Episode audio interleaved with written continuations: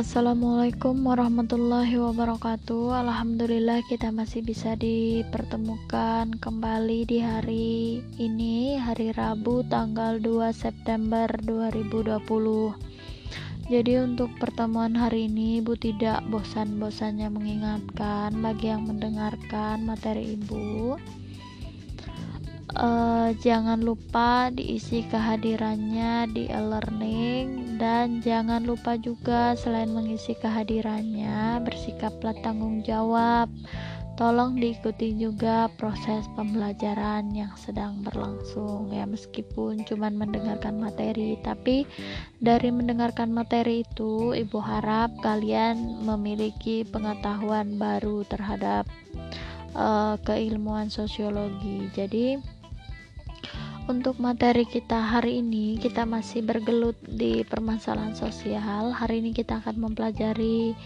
sedikit saja partikularisme kelompok dan dilema pembentukan kelompok sosial. Jadi untuk tujuan pembelajarannya setelah mempelajari materi ini siswa diharapkan mampu menjelaskan uh, partikularisme kelompok dan dilema pembentukan kepentingan publik. Jadi uh, kita langsung masuk saja ke materinya.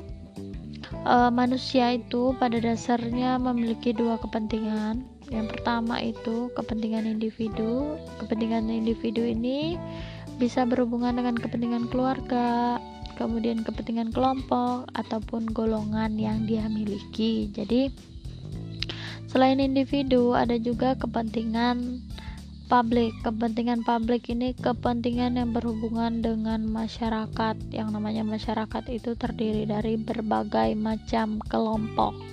Intinya kepentingan publik ini adalah kepentingan bersama.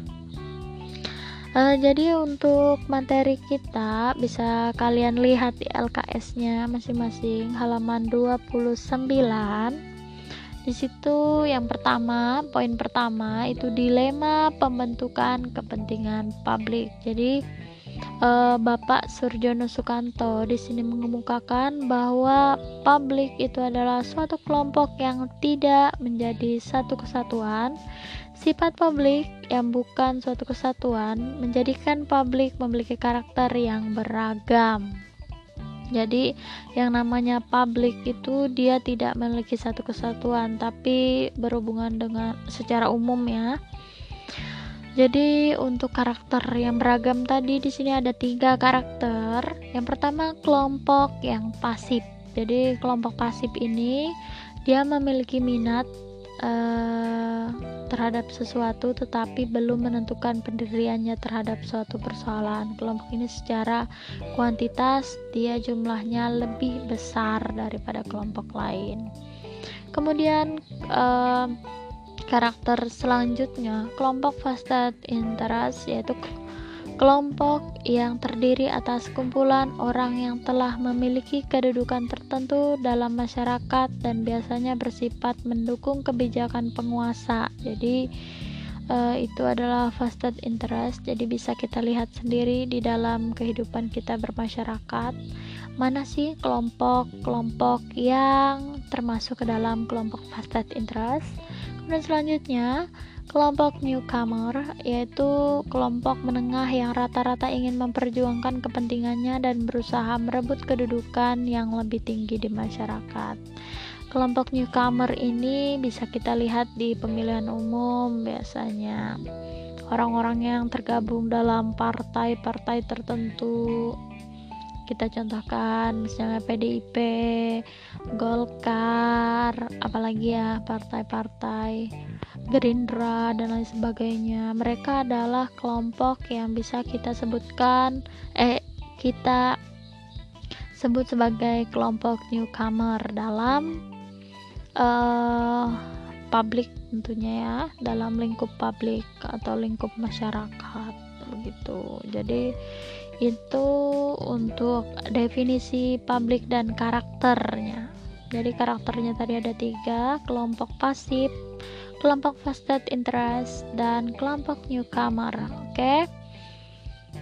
uh, ibu rasa apa yang ibu jelaskan bisa dipahami kemudian selanjutnya kelompok kepentingan publik jadi uh, berbicara tentang kepentingan publik itu segala sesuatu yang diperuntukkan uh, bagi pemenuhan kebutuhan orang banyak atau masyarakat secara umum itu yang disebut dengan kepentingan publik, kepentingan bersama di dalam masyarakat. Jadi bukan kepentingan individu yang berhubungan dengan kelompok-kelompok tertentu ya.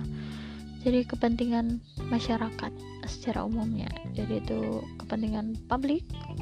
Uh, di sini kemudian perbedaan antara kepentingan publik dan kepentingan individu ya.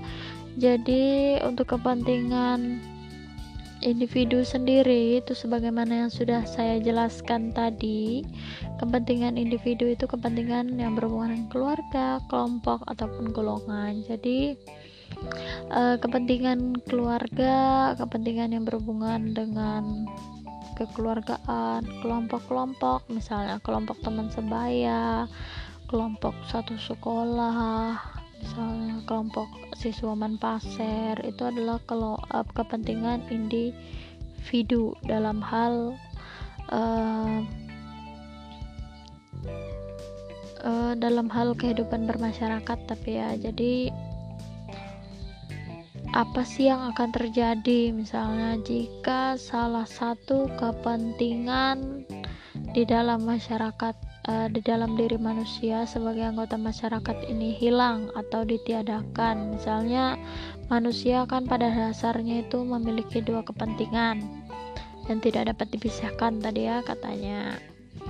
Uh, pertama itu kepentingan individu, yang kedua itu kepentingan masyarakat. Jadi apa yang akan terjadi ketika salah satu dari kepentingan ini hilang atau ditiadakan atau tidak di hiraukan misalnya tidak menghiraukan kepentingan publik maka ini akan memunculkan berbagai permasalahan di masyarakat misalnya nanti akan memunculkan sikap egois dan cenderung menutup diri terhadap uh, kebudayaan lain yang nanti bisa menimbulkan uh, primordialisme dan etnosentrisme yang selanjutnya itu akan berdampak kepada konflik. Jadi itu ya. Ketika salah satu saja kepentingan itu diabaikan, maka itu akan memunculkan sesuatu yang kebanyakan negatifnya ketimbang positifnya. Kemudian untuk partikularisme sendiri itu adalah kondisi atau keadaan di mana e, manusia lebih mementingkan kepentingan pribadinya daripada kepentingan umum. Begitu. Jadi itu untuk materi kita hari ini. Jadi hubungan partikularisme kelompok dan kepentingan publik ini ini sangat mempengaruhi permasalahan sosial yang uh, nanti akan muncul di dalam kehidupan bermasyarakat ya. Jadi sangat rentan sekali ketika seorang individu lebih mementingkan kepentingan individunya yang tadi bisa berhubungan dengan keluarga, kelompoknya pribadi atau golongannya ketimbang atau dibandingkan dengan kepentingan bersama dalam masyarakat itu bisa memunculkan yang namanya konflik, memunculkan sikap primordialisme dan nanti etnosentrisme juga begitu. Oke, untuk materi hari ini tidak banyak yang uh, Ibu sampaikan cuman itu saja ya semoga bisa dipahami untuk partikularisme kelompok dan dilema pembentukan kepentingan publiknya. Kemudian nanti kita akan masuk untuk pertemuan selanjutnya kita akan masuk ke masalah sosial yang sering terjadi di masyarakat. Jadi nanti kita lanjut di hari Sabtu untuk permasalahan sosial ini. Ibu akhiri untuk pertemuan hari ini semoga bisa dipahami untuk materi yang tadi. jadi yang sudah kita pelajari itu tadi kepentingan manusia ada dua individu dan publik kemudian dilema pembentukan kepentingan publik itu ada tiga tadi karakternya eh, eh pengertian publik dulu kemudian karakter dari publik itu ada tiga kelompok yang pasif, vested interest dan newcomer. Kemudian uh, hubungan partikularisme kelompok. Apa sih yang terjadi ketika salah satu dari kepentingan di dalam bermasyarakat itu diabaikan? Begitu. Oke, itu saja. Ibu akhiri. Wassalamualaikum warahmatullahi wabarakatuh. Jadi, ketika ada yang ditanyakan, silakan ditanyakan ya. Semangat belajarnya.